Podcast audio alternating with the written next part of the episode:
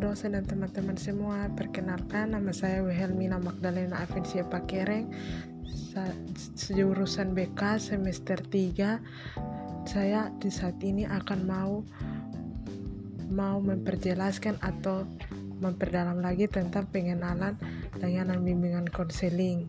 Dalam layanan bimbingan, merupakan bantuan diberikan oleh seorang konselor kepada klien dalam upayanya untuk membantu menyelesaikan problem atau mengembangkan potensi yang ada di dalam dirinya.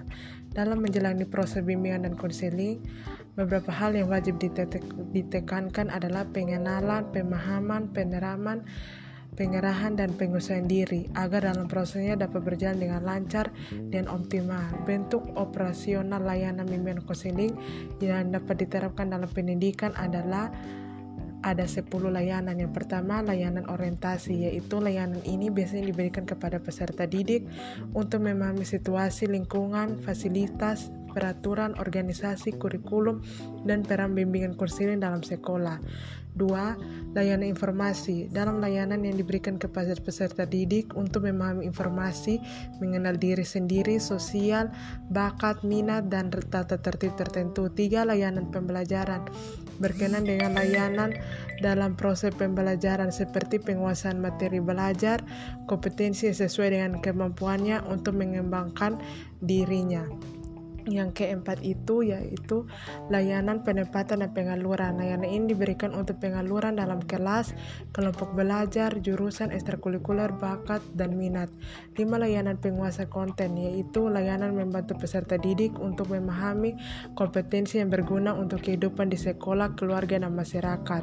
Yang keenam layanan konseling perorangan yaitu layanan diberikan oleh guru BK kepada peserta didik secara individu atau perorangan untuk mengentaskan permasalahan kesalahan pribadi dirinya sendiri.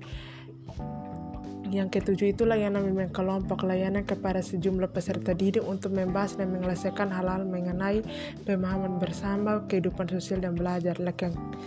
Kedelapan itu lain konseling kelompok. Layanan diberikan kepada individu dalam kelompok yang dimiliki masalah di dalam organisasi atau kelompok tertentu. Yang kesembilan layanan konsultan. Layanan diberikan konselor untuk memberikan wawasan mengenai sekolah, menyelesaikan masalah dalam kondisi atau masalah peserta didik. Yang ke-10 itu layanan mediasi, layanan yang diberikan untuk membantu perselisihan hubungan antar sesama peserta didik. Jadi inilah yang saya sudah jelaskan kepada teman-teman dan juga kepada Bapak dosen bahwa pentingnya layanan dalam BK itu dalam sekolah. Jadi kita sebagai guru BK itu harus memahami 10 layanan ini agar kita bisa dapat mengajarkan kepada peserta didik kita dengan baik agar mereka juga tidak takut dengan kita.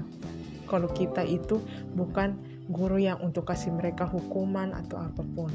Sekian dan terima kasih atas presentasi saya di dalam podcast ini. Terima kasih.